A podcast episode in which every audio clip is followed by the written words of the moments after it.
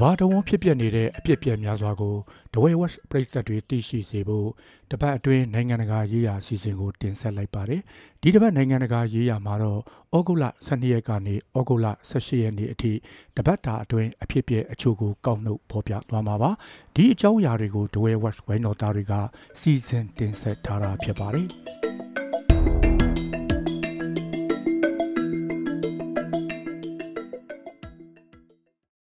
ရုရှားနိုင်ငံသုံးငွေရူဘယ်တန်ဖိုးက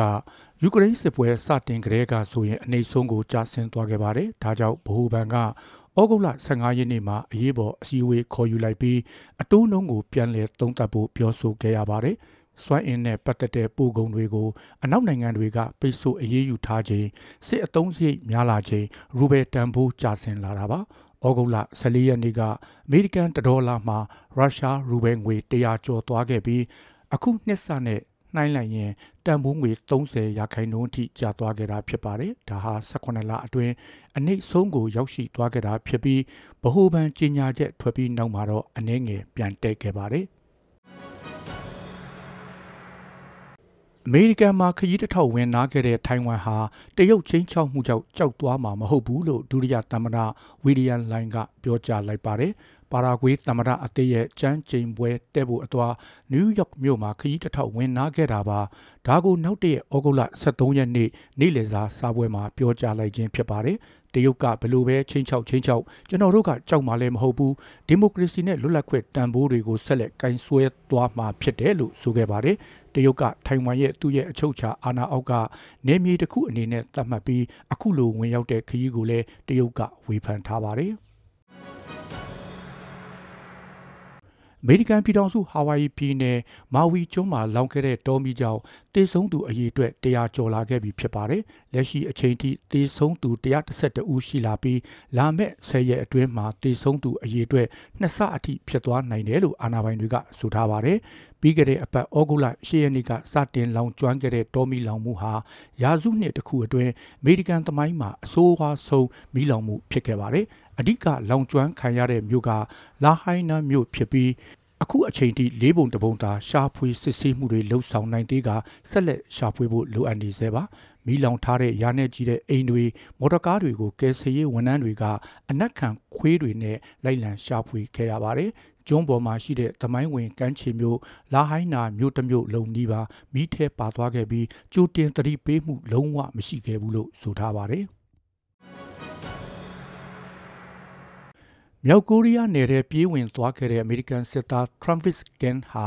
အမေရိကန်စစ်တပ်အတွင်းလူမဆန်တဲ့ညှဉ်းပန်းနှိပ်စက်မှုတွေနဲ့လူမျိုးရေးခွဲခြားမှုတွေကြောင့်လို့နိုင်ငံပိုင်သတင်းကကြေညာခဲ့ပါတယ်။ဒါကြောင့်မြောက်ကိုရီးယားနိုင်ငံမှာခုလုံချင်းလို့လာရောက်တာဖြစ်တယ်လို့ဆိုထားတာပါ။သူဟာဇူလိုင်လ18ရက်နေ့တုန်းကတောင်ကိုရီးယားဘက်ကနေဖြတ်ပြီးပြေးဝင်လာခဲ့တာကိုမြောက်ကိုရီးယားဘက်ကပထမဆုံးအကြိမ်ဝန်ခံပြီးကြေညာခဲ့တာဖြစ်ပါတယ်။ ကင်ဟာအမေရိကန်လူအဖွဲ့အစည်းကိုစိတ်ပြက်နေတဲ့သူဖြစ်ပြီးလက်ရှိကိုရီးယားပြည်သူစစ်တပ်ကစောက်ကြည့်စစ်ဆေးနေတယ်လို့ကြေညာထားပါတယ်တရုတ်နိုင်ငံမှာလူငယ်တွေအလုရှာမရတဲ့ကိစ္စနဲ့ပတ်သက်လို့အင်တာနက်ပေါ်ဆွေးနွေးမှုတွေများပြားလာနေခဲ့ပါတယ်။ တစ်ချိန်တည်းမှာပဲအစိုးရကဩဂုတ်လအတွက်အလုလက်မဲ့ကိန်းကနန်းတွေကိုထုတ်ပြန်ဖို့ဆိုင်းငံ့ထားလိုက်ပါတယ်အလုတ်ကင်ပြဿနာတွေထဲမှာအလုတ်ရှာမရတဲ့အပြင်လောက်ခလစာနေတဲ့အလုတ်တွေကိုလည်းလူငယ်တွေစိတ်မဝင်စားတာလစာအတန်းအသစ်ရပြီမဲ့လဲအလုတ်ချိန်များတာတွေလည်းပါဝင်နေပါတယ်2023ခုနှစ်ဧပြီလစစ်တမ်းအရတရုတ်ပြည်မှာလူငယ်အလုတ်လက်မဲ့နှုန်းက20ရာနှုန်းကျော်ရှိပြီး2018နောက်ပိုင်းအဆိုးရွားဆုံးဖြစ်နေခဲ့ပါတယ်။ မေလနဲ့ဇူလိုင်လမှာလူငယ်အလုတ်လက်မဲ့နှုန်းတဖြည်းဖြည်းတိုးလာနေခဲ့ပြီးဩဂုတ်လအတွက်ထုတ်ပြန်မှုဆိုင်းငံ့ထားလိုက်ပါတယ်။အာဂျင်တီးနားနိုင်ငံဘျူနိုအေရစ်မြို့အဝေးပြေးလမ်းမပေါ်မှာ ဩဂုတ်လ16ရက်နေ့ကဘတ်စကားတစ်စီးရုတ်တရက်မီးလောင်ခဲ့ပါတယ်။ဘတ်စကားတစ်စီးမီးလောင်လို့ခရီးသည်တွေအလက်တကြားဆင်းပြေးကြရတာပါ။လူတွေအားလုံးဆင်းပြီးမှကားတစ်စီးလုံးမီးလောင်သွားလို့ကံကောင်းစွာနဲ့လူထိခိုက်မှုမရှိခဲ့ပါဘူး။ဒါပေမဲ့လည်းလမ်းမပေါ်စီတွေယိုကျလို့တလန်းလုံးမီးကူးကုန်ပါတယ်။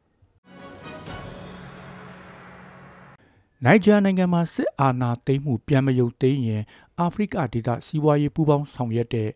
ECOWAS အဖွဲ့အနေနဲ့စစ်ရေးအရာဝင်ဖြည့်ရှင်းပေးဖို့အသင့်ဖြစ်ကြောင်းကြေညာလိုက်ပါတယ်။နိုင်ဂျာအရေးဂါနာနိုင်ငံကဆွေးနွေးပွဲမှာကော်မရှင်နာမင်းကြီးကအဖွဲ့ဝင်နိုင်ငံကစစ်ဗိုလ်ချုပ်ကြီးတွေကိုပြောကြားခဲ့တာပါနိုင်ဂျာနိုင်ငံမှာဖွဲ့စည်းပုံအခြေခံဥပဒေနဲ့အညီပြန်လည်အုပ်ချုပ်မှုရှိစေဖို့နီလန်အားလုံးကိုတုံးရမှာဖြစ်တယ်လို့ဆိုထားပါတယ်နိုင်ဂျာသမ္မတ